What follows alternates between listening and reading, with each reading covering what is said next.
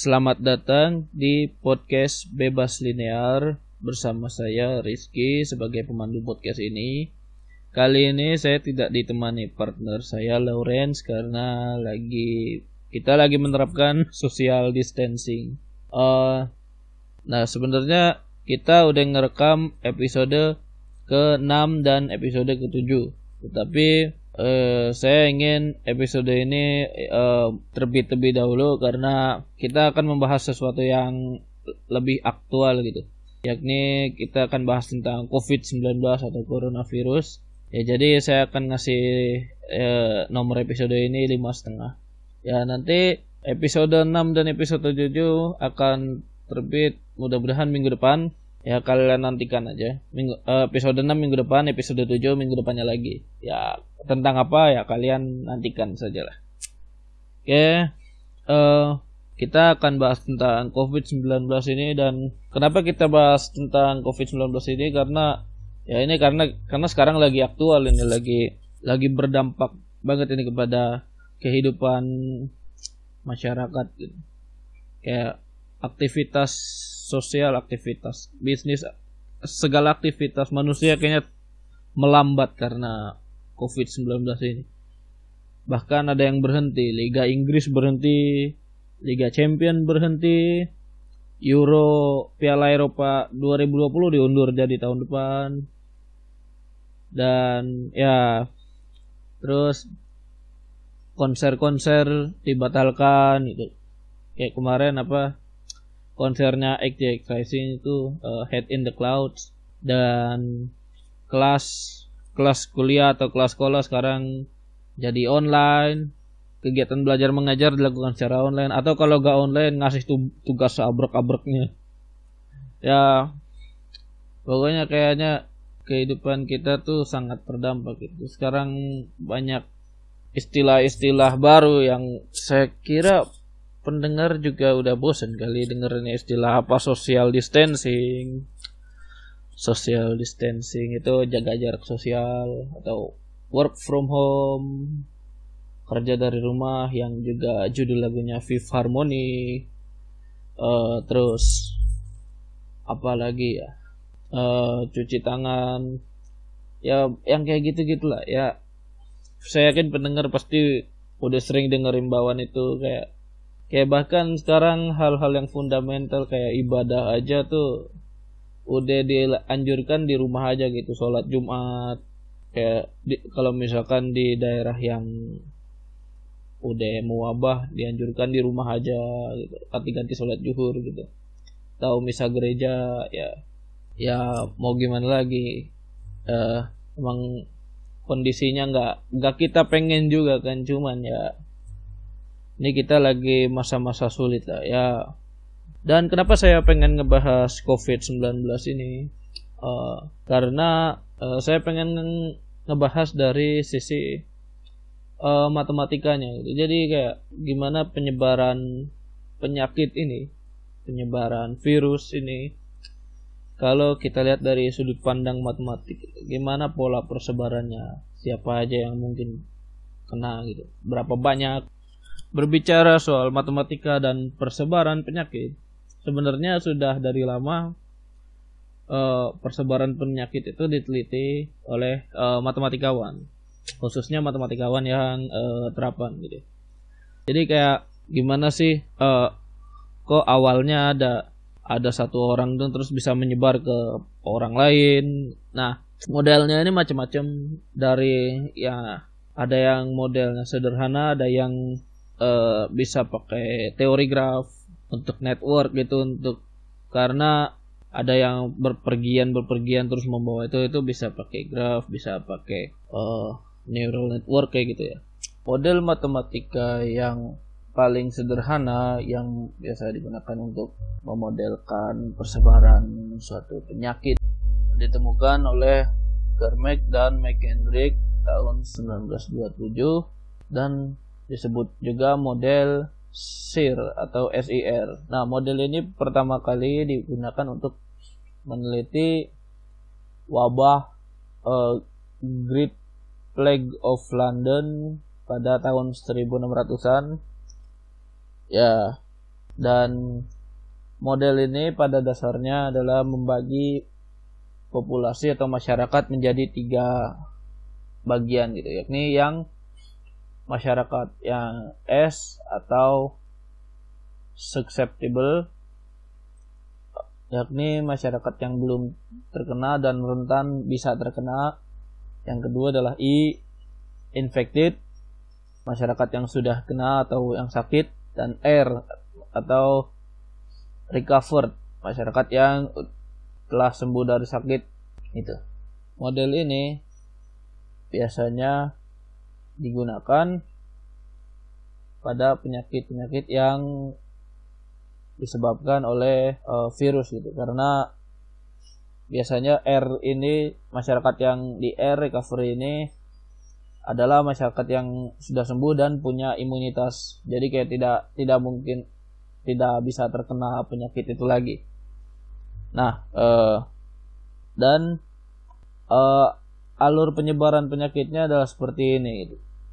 Uh, jadi kayak masyarakat yang terkena uh, yang eh, yang susceptible yang rawan bisa terkena penyakit dan menjadi masyarakat yang infektif. Jadi dari S bisa ke I gitu. Dan setelah infected uh, masyarakat itu bisa sembuh. Jadi dari I ke R. Jadi alurnya adalah dari S ke I, lalu dari I ke R. Nah, laju perpindahan penduduk dari yang S ke yang I ini ini berbanding lurus dengan uh, kontak antara yang penderita dengan yang rawan atau kontak antara populasi I dengan populasi S. Hal ini berbanding lurus dengan kedua populasi tersebut dan berbanding lurus dengan kontak kedua populasi tersebut. Jadi kayak kenapa sekarang digalakan itu social distancing yaitu gunanya untuk memperkecil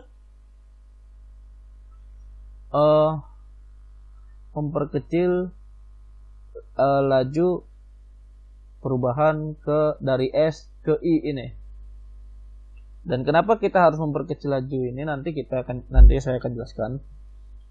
Uh, selanjutnya dari I ke R ini adalah laju penyembuhan. Laju penyembuhan ini tergantung ya tergantung kelakuan virusnya bagaimana dan kelak dan tergantung imunitas si penderitanya itu sendiri atau karena kita bicaranya sekarang populasi ya imunitas rata-rata. Nah, pada awalnya masyarakat ini semuanya akan rentan terkena gitu. Akan rentan terkena penyakitnya. Jadi kayak kayak semua masyarakat itu akan masuk ke kelompok yang S. Kecuali beberapa yang udah kena justru. Jadi awalnya itu yang ada itu hanya S dan I gitu. Awalnya hanya ada yang rentan yang belum kena dan yang udah kena yang sakit nah nanti karena kita cuma bisa dari pindah dari S ke I, ah, ini berdasarkan model yang tadi ya. Karena kita cuma bisa pindah dari S ke I, ya yang masyarakat yang rentan terkena itu akan menurun, akan terkena semua gitu jadinya. Jadi ya S akan turun sepanjang waktu gitu. Nah, karena tadi dari dari masyarakat yang infektif ini akan sembuh gitu ya. Nah, ini bisa diartikan sebenarnya ada yang mengartikannya R ini bisa recovered, bis recoverednya ini bisa dalam artian sembuh, bisa dalam artian ada yang sembuh, ada yang mati atau meninggal juga gitu. Tapi ya untuk sederhananya kita kita anggap ini yang mau yang mati atau yang nggak meninggal gitu ya itu kita anggap sembuh gitu. Nah, dari I ini bisa cuma bisa ke R. Jadi R ini akan bertambah gitu dari dari awalnya 0 karena gak ada yang langsung recover gitu atau langsung kebal terhadap penyakit ini belum ada. yang tidak bisa terkena penyakit ini awalnya nol lalu akan bertambah sepanjang waktu gitu. Nah, yang menarik adalah kunci dari model ini sebenarnya adalah di I. Di uh, infected. Tadi seperti sudah saya singgung bahwa yang infected ini akan bertambah dan pertambahannya itu berbanding lurus dengan kontak antara orang yang uh, mempunyai penyakit dan orang yang rentan terkena akan bertambah ber, bertambah dengan laju yang berbanding lurus dengan kontak dan akan berkurang tergantung bagaimana kelakuan penyakit itu sendiri. Nah, jadi kalau misalkan pendengar pernah dengar istilah flatten the curve lah itu untuk COVID-19 ini ya itu dasarnya dari sini gitu. Jadi karena kalau misalkan persamaannya itu nanti diplot gitu, diplot berdasarkan waktu nanti si I ini akan mula-mula akan naik gitu sampai batas tertentu cembung gitu lalu turun gitu. Kayak dis grafik distribusi normal. Cuman kalau normal kan tengahnya di nol ya. Kalau ini tengahnya jadi geser ke kanan gitu. Dan yang dimaksud dengan flatten the curve ini adalah kan kita bisa dari plot itu dari plot atau dari persamaan yang tadi kita bisa tahu berapa uh, apa namanya masyarakat yang terinfeksi setiap waktunya gitu. Dan kita bisa tahu berapa masyarakat yang terinfeksi maksimumnya gitu. Nah sebagaimana kita tahu untuk menangani penyakit yang mewabah seperti ya seperti COVID-19 ini ya kita butuh pelayanan kesehatan yang memadai. Dan kapasitas ini pasti di setiap negara itu terbatas itu. Kapasitas healthcare ini kapasitas pelayanan kesehatan ini terbatas dan jika grafik infected ini melewati batas atas tersebut artinya let's say misalkan uh, kapasitas uh, apa sih kesehatannya misalkan 5000 bisa menampung 5000 pasien gitu.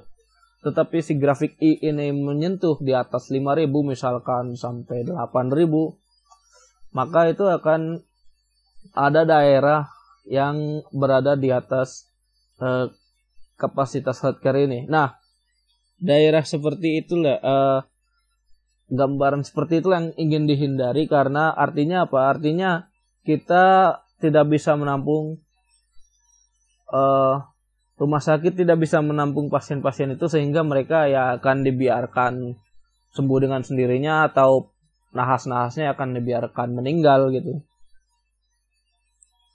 Itu yang ingin dihindari gitu.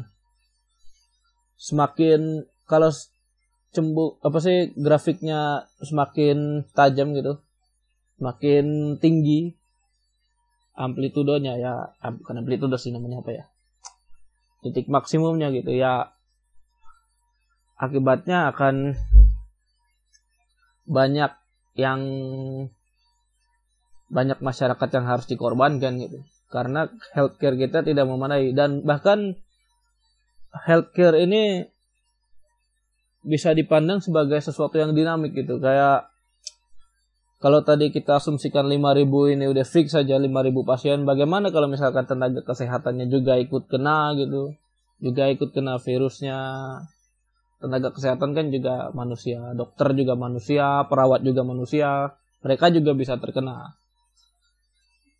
Bagaimana kalau itu terjadi ya kapasitas turun, kapasitasnya akan turun dan ya, itu akan berakibat lebih buruk lagi Oke, makanya kayak alat-alat apa sih? APD itu APD apa sih singkatannya tuh yang buat pelindung dokter atau pelindung perawat gitu kayak masker gitu, hand sanitizer. Ya kalau bisa jangan numpuk jangan beli banyak buat sendiri lah maksudnya ya. Yang paling membutuhkan alat-alat seperti itu ya tenaga medis terutama pasti jadi ya di sini kepekaan sosial kita juga diuji sebenarnya. Oke, kembali ke grafik. Ya kalian ini karena ini suara ya saya gak bakalan bisa gambarkan grafiknya tapi kalian bisa cari itu flatten the curve atau model SIR secara umum ya. Grafik infectednya akan seperti itu akan uh, naik lalu akan sampai puncak gitu lalu akan turun gitu. Dan kalau grafik ini sampai di atas kapasitas kesehatan kita ya uh, wassalam gitu ada yang dikorbankan gitu. Makanya ya salah satu tugas pemerintah juga ya juga menaikkan uh, healthcare ini. Kayak kemarin apa ya saya lihat di berita wisma atlet udah bisa jadi tempat penampungan pasien. Tuh. Salah satu langkah yang oh, bagus lah menurut saya Nah, tapi yang lebih penting lagi tadi karena kita bicara grafik uh, infected ini, apa yang bikin dia naik itu ya tadi kan laju pertumbuhannya dipengaruhi oleh kontak antara uh, antara penderita dengan uh, golongan yang rentan ini. Jadi ya semakin intens kontak dan bukan semakin intens kontak ya karena ini penyebaran virusnya juga kayak bisa nyebar di mana-mana nyebar di udara nyebar di uang bahkan nyebar di plastik itu ya. Nyebar di transportasi umum ya. Penyebarannya juga terhitung cepat gitu jadi ya peluang terjadinya kontak penderita dengan orang yang rentan itu akan lebih besar gitu ya ya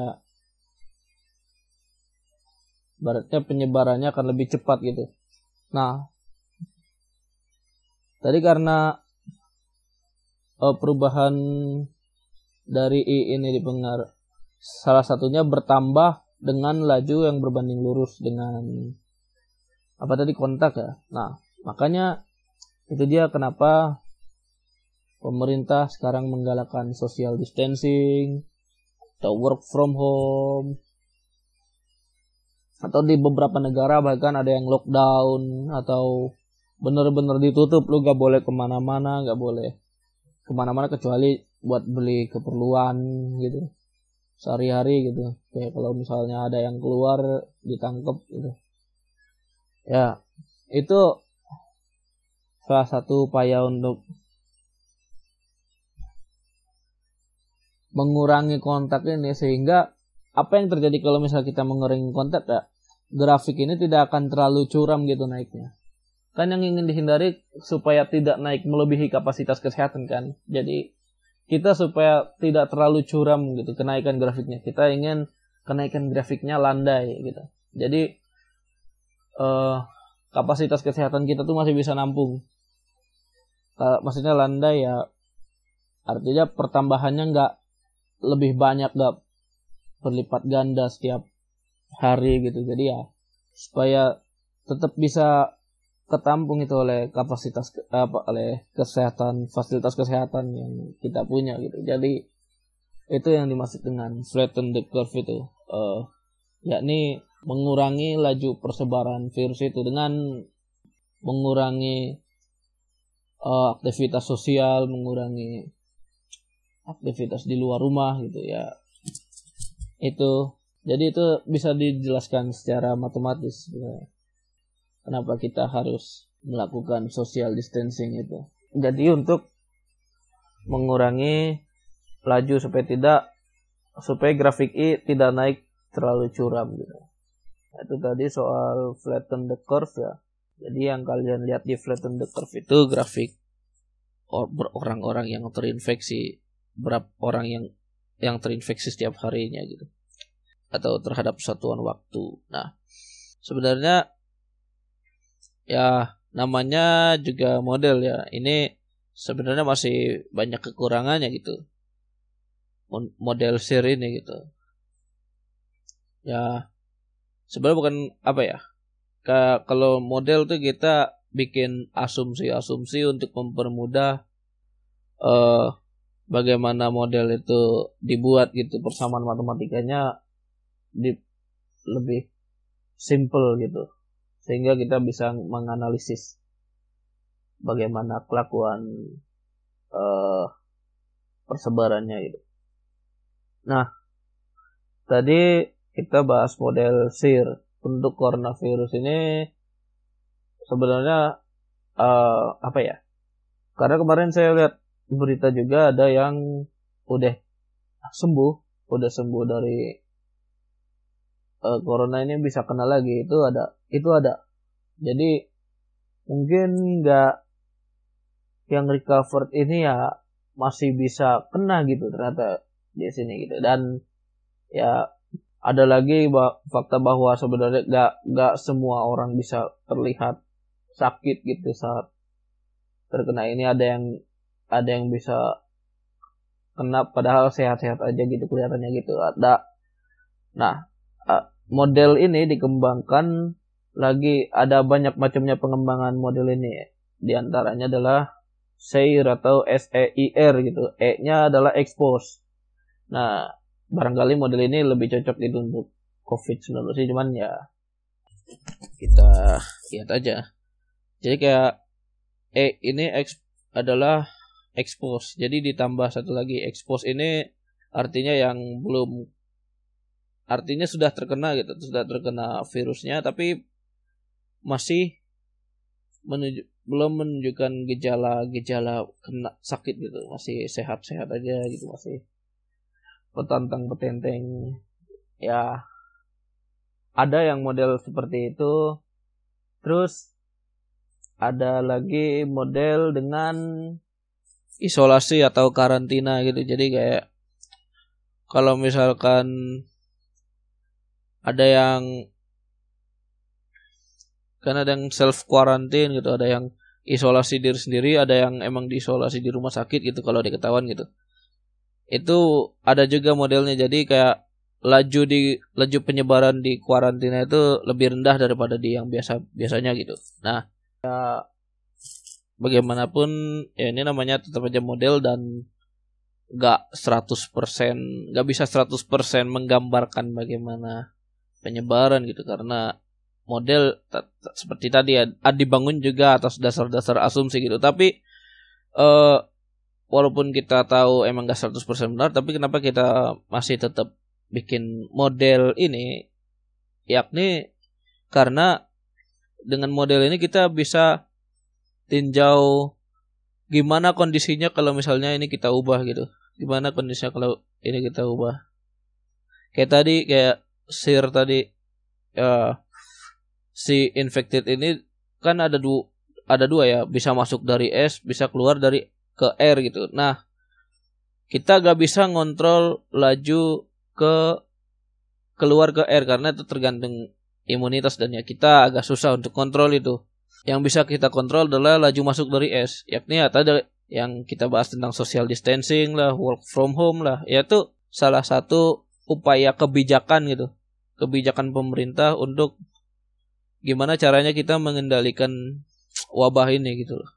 Kayak kayak berguna juga untuk pemerintah supaya kita bisa lihat nih uh, kita bisa atur gimana kebijakan yang pas supaya wabah ini terkendali gitu. Supaya tadi kita punya kasus nggak tinggi-tinggi amat, nggak melebihi kapasitas fasilitas kesehatan.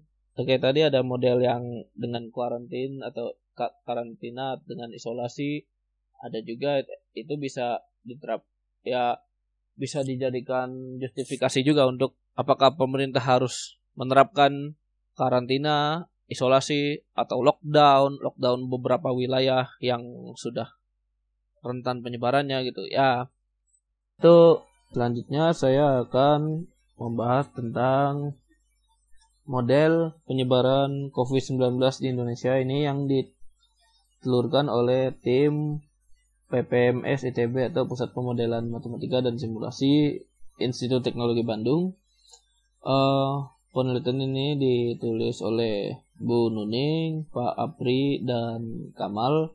Model yang digunakan dalam artikel ini adalah model kurva Richards yang merupakan pengembangan dari model logistik. Jadi bukan model SIR seperti yang dijelaskan tadi, tapi lebih ke model logistik yang dimodifikasi.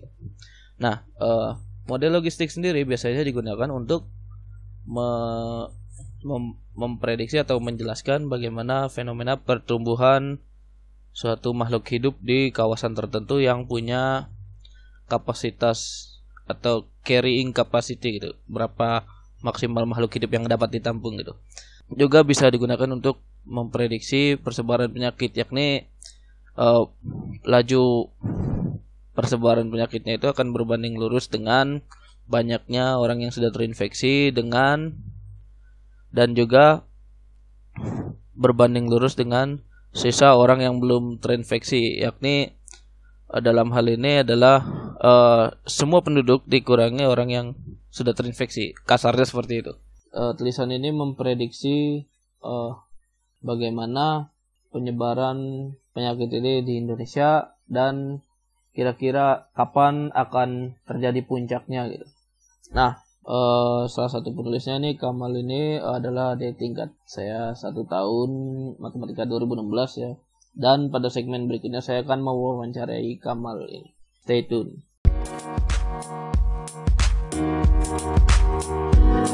Oke,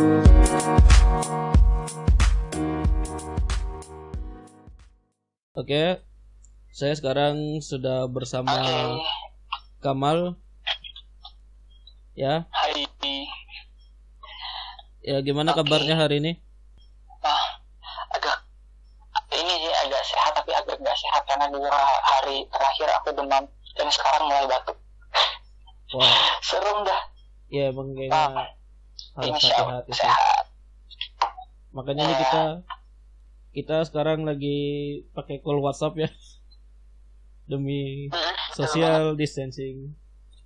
Nah, benar banget. Nah, jadi Kamal ini adalah salah satu kontributor dari paper tentang outbreak COVID-19 di Indonesia yang ditelurkan oleh PPMS ITB ya. Iya, model awal, model sederhana ya. Ya, ya segala apa yang yang sederhana kadang-kadang bisa dijadikan insight oleh pemerintah okay. atau pihak luar sana ya, ya. Ini bisa diceritakan bagaimana oh, model yang digunakan gitu. Uh, ya model yang digunakan. Jadi sebetulnya um, kurva Richard itu mungkin ada yang udah tahu juga itu kayak sebenarnya ekstensi dari persamaan logistik aja sih sebetulnya. Logistik, Cuman ada ya? beberapa parameter tambahan su iya logistik. Iya. Cuma hmm. ada, ada beberapa parameter tambahan gitu sehingga uh, nanti tuh agak lebih representatif untuk suatu dinamika tertentu dan sebetulnya aku nggak nggak mendalami si fish kurva Richard ini cuman ada ada paper yang bukan paper ya laporan sebetulnya dulu tuh pemodelan matematika tahun 2009 sama Pak Kun gitu yang dia tuh bahasannya tuh kurva Richard untuk kasus SARS dulu di Hong Kong. Dan hasilnya tuh baik banget maksudnya si puncaknya si akhir epidemi lain-lainnya tuh udah sangat cover banget gitu. Jadi kayak ya udah kita juga pakai juga si kurva Richard tadi untuk beberapa negara gitu. Karena kan SARS sama Tor, ini kedengaran dah Tor, ini kayaknya ada masalah koneksi. Pas pas uh-huh. ya ya oke tadi SARS sama apa? Sama iya jadi yang si COVID-19 sama SARS kan mirip lah ya, ya jadi mirip. si fisisnya juga epideminya juga mirip gitu. Jadi itu makanya kenapa, dicoba aja. kenapa kita pakai yang model Richardson itu ya? Eh Richards. Iya Richard itu cuma hmm. beberapa kontroversial kan yang muncul ya karena data yang dipakai kan Korea Selatan terus kayak kita uh, implementasikan di data awal yang di Indonesia terus ada yang ya ada banyak yang kayak wah itu asumsinya kayak kayaknya terlalu ketat deh gitu hmm. karena kan hmm. secara Korea Selatan kontainmennya sangat keren banget gitu maksudnya oh, iya. dalam kebijakan-kebijakannya udah sangat keren sedangkan di Indonesia kayaknya nggak se, se strict itu gitu jadi yeah. kayak kayaknya tidak relevan cuma hmm. ya setidaknya ada hasil yang bisa apa ya, bisa memberikan insight gitu bahwa uh, sekelas Korea pun pada saat coba di Indonesia masih memberikan nilai yang besar sekali dan takutnya itu ya healthy capacity-nya itu nggak bisa tercoverkan di digital gitu. Iya, yeah, soalnya Korea tuh mm -hmm. apa bener-bener ini ya ketat ya soalnya dia tuh tes massal kan ada yang pakai drive thru yeah. juga gitu. Drive thru juga loh keren banget emang. Jadi data data yang di sana emang bisa lebih akurat gitu. Sementara di sini tuh baru yeah. baru mulai beli alatnya gitu baru mulai beli kan ya iya terus pakai darah juga ya katanya ya gitu loh yang nah gitu jadi kayak nah kan pemerintah ini baru beli alat buat itu kan alat buat apa ngetes kan ya tes dan hmm. kalau kita lihat dari kasus-kasus yang ada ini bisa jadi kayak kasus yang ada nih yang udah ratusan bahkan. Sekarang tuh berapa gitu? Udah 300 atau 400 400 gitu. Ya. 450 wow. Ya. Pada sampai saat, sekarang. Ya pada saat ini di tag ya. Itu kayak bisa jadi itu kayak cuma tip of the iceberg aja gitu. Cuma gunung es aja. Iya. Jadi iya, kayak banget. ketika apa tes masal ketika kita udah mulai tes masal gitu ya bisa jadi yang uh, bisa jadi akan jadi pelonjakan gitu dan pelonjakan data gitu. Iya. Ya kan? Iya pasti. Dan gak, gak kaget juga karena emang yang terdeteksi bisa lebih banyak kan? Nah, ya setuju banget sih. dari sini apakah uh, kalau misalkan pemerintah ngupdate datanya gitu katakanlah udah kita uji hmm. masa gitu apakah model ini bisa diupdate juga atau bagaimana gitu uh, pengaruh ke model ini? Sebetulnya kan model yang uh, maksudnya pada saat pemilihan model kan seperti yang jelas di paper juga ada banyak alternatif e, negara yang dipakai di kurva Richa terus e, nantinya disandingkan dengan data yang ada di Indonesia. Terus secara kasar dipilih Korea Selatan karena emang errornya itu di awal infeksi paling e, sama gitu maksudnya ya walaupun mungkin nanti ke selanjutnya nggak tahu cuman setidaknya di awal infeksi kan di Korea Selatan udah paling representatif tuh yeah. Ya. dan pada saat sekarang kita tracking, maksudnya kita sekarang masih uh, lihat perkembangannya, update data terbaru sama terus tetap dikon dikomparasi sama model yang udah didapat di aku. Sebenarnya model yang didapat di aku itu overestimate.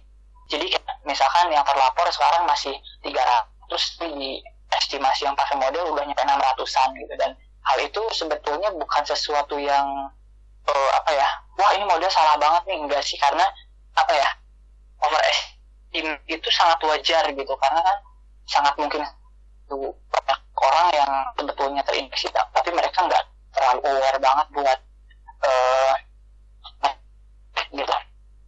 Jadi mungkin pada saat nanti misalkan dua hari ke depan atau besok misalkan uh, pemerintah udah bukan screening massal gitu yeah. nanti mungkin ingin dilihat sih sebetulnya uh, apa ya perbandingan estimasi yang di awal dengan model di awal sama hari besok misalkan dengan hasil tes itu sampai seberapa melonjak sih gitu apakah betul-betul sangat oh, melebihi dari yang sudah diestimasikan atau bahkan mungkin masih di bawah atau bahkan atau mungkin bahkan sama gitu kita kan belum tahu. Cuman pasti dilihat perkembangannya nanti. Ya jadi kayak itu bisa jadi pembanding gitu ya? Pembanding juga eh, karena kan ini kayak revealing the truth gitu kayak kita awalnya nggak tahu yang benar kayak gimana cuman insya Allah mungkin pada saat screening kan setidaknya gitu ada sesuatu yang mulai dikupas gitu ya yang awalnya ketutupan tuh udah mulai kelihatan gitu kan. Nah nah di hasil penelitian yang kemarin itu yang awal yang 15 Maret ya itu kan disebutkan eh, eh, kan itu disebutkan puncaknya kalau nggak satu April ya. April pas hmm, Ramadan gitu. Akhir Maret sebetulnya. Oh oh ya akhir Maret. Nah cuman yeah. aku lihat berita terbaru ya ada modelnya udah diupdate jadi katanya puncaknya tuh bisa sampai yeah. akhir April gitu. Dar, dar ini internet saya ternyata. Saya tadi pakai wifi soalnya. Ya, ya maaf maaf. Oh, okay. Tadi saya pakai wifi kayaknya. Oh, santai. Ya. Oh, ya tadi kan kan kemarin pada model awalnya itu ya diprediksi puncaknya tuh Maret akhir ya atau awal April gitu. Nah, saya baca berita yeah. tuh kemarin katanya modelnya update bisa sampai akhir April atau awal Mei gitu. Iya. Nah itu apakah itu hasil dari kasus-kasus terbaru? Apakah itu hasil dari pengembangan dengan apa kasus-kasus terbaru gitu setelah kita lihat itunya gitu update terkini gitu. mungkin yang pengen aku highlight sebelumnya sekarang itu adalah gini loh ya jadi karena yang awal itu sangat eh, modelnya yang dipakai sangat sederhana Iya. eh, maksudnya ada asumsi yang perlu di eh, pertimbangkan lagi jadinya itu awalnya kita riskan juga untuk memasukkan si hasil profil epidemi maksudnya dari awal epidemi puncak akhir. Awalnya tuh kayak riskan juga untuk memasukin itu gitu. Karena mereka nanti orang-orang yang awam matematika itu pasti kayak menjatuhkan itu sebagai suatu prediksi. Dan kalau misalkan kita lihat kan eh, orang-orang yang non matematis pasti memandang orang matematik itu adalah sesuatu yang pasti gitu. Maksudnya kalau kita ngitung sesuatu Iya. mereka pasti ngeliat kayak wah ini bener gitu Ya, ini tuh harus bakal terjadi gitu padahal kan enggak banget kan enggak, ya itu ada margin Padahal- of error juga.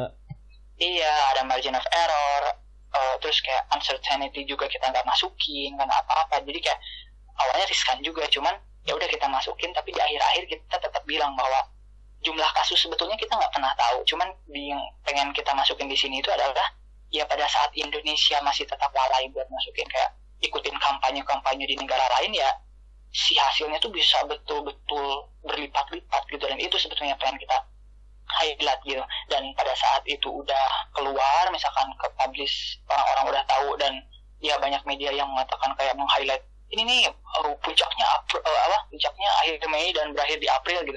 Nah kan itu yang sangat disayangkan banget kan. Jadinya ya Iya. kita tetap melakukan updating model dan kita juga tahu bahwa model itu kan nggak tunggal ya. Maksudnya banyak orang yang meng- memodelkan dengan asumsi berbeda dengan approaching yang berbeda jadinya itu mungkin mendapatkan hasil yang berbeda dan kita juga perlu mempertimbangkan model-model lain gitu. Dan model berarti nggak nggak tunggal. Jadi di sini tuh kita tetap memodelkan lagi dengan beberapa approaching yang berbeda juga. Terus eh, lain-lain dengan banyak orang juga ada ada ada timnya dan ya dapat hasil itu itu gitu. Nah, jadi kayak bisa dibilang sebenarnya model ini sebagai precaution awal aja gitu, bukan kayak iya Ini bakal- banget. bakal berakhir kira-kira tanggal segini terus abis itu langsung pada keluar semua gitu kan enggak gitu. Iya enggak juga ya. Hmm.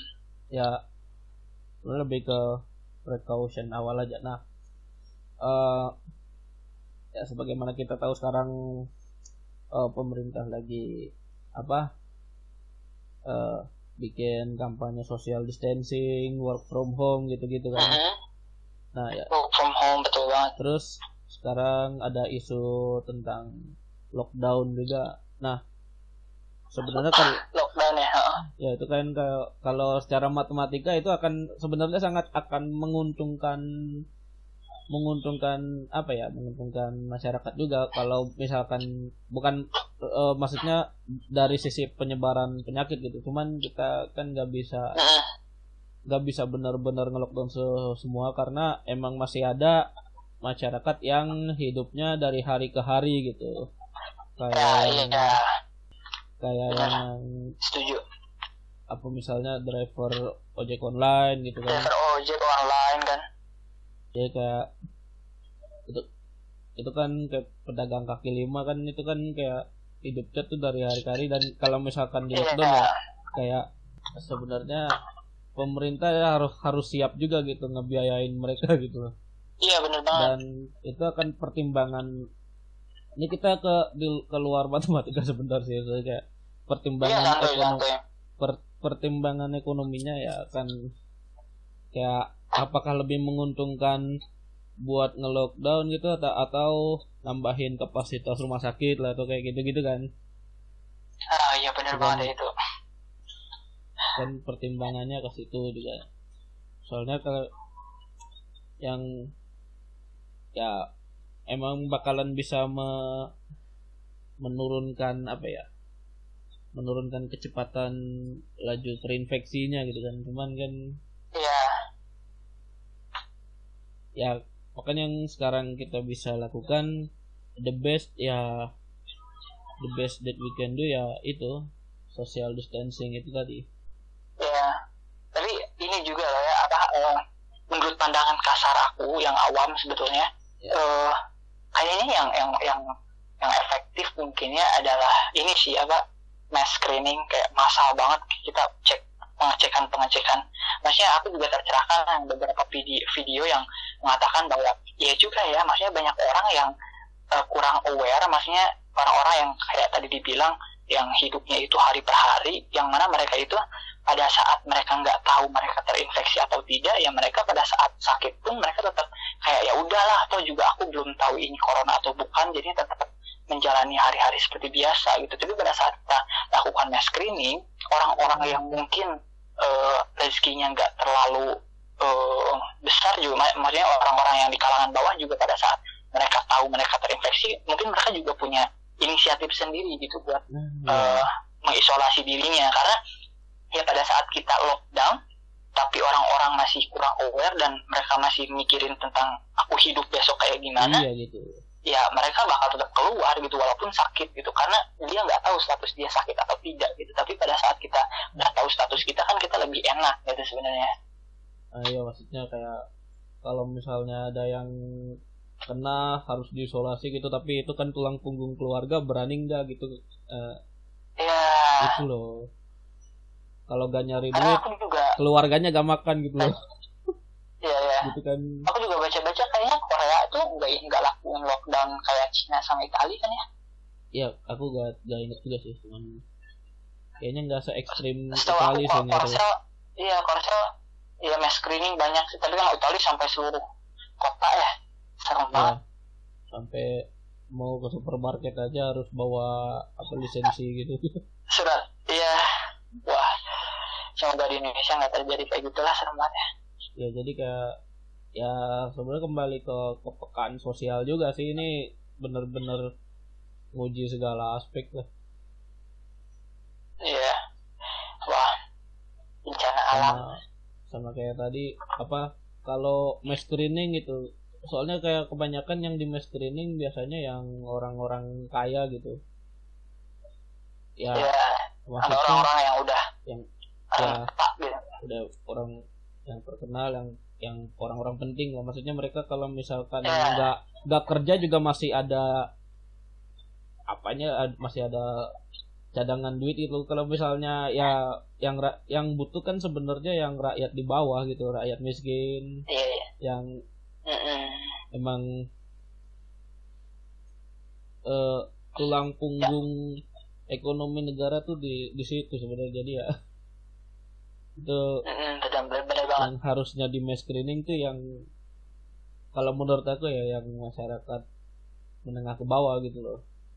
Soalnya ya aku mungkin setuju juga sih karena aku Ya. juga pernah baca ya yang ya yang seperti orang-orang menengah ke bawah tuh yang benar-benar dibutuhkan buat mass screening gitu. Karena pada saat satu orang misalkan yang eh, apa eh kehidupannya maksudnya kehidupannya ada di bawah gitu pada saat dia terkena virus sesedia mungkin kita menyediakan buat dia isolasi gitu. Karena kan kalau misalkan kita langsung lepas aja mungkin aja dia tetap di rumah yang rumahnya sempit terus se- serumah berapa orang itu kan kan Oh, tetap iya, itu. kayak kurang efektif.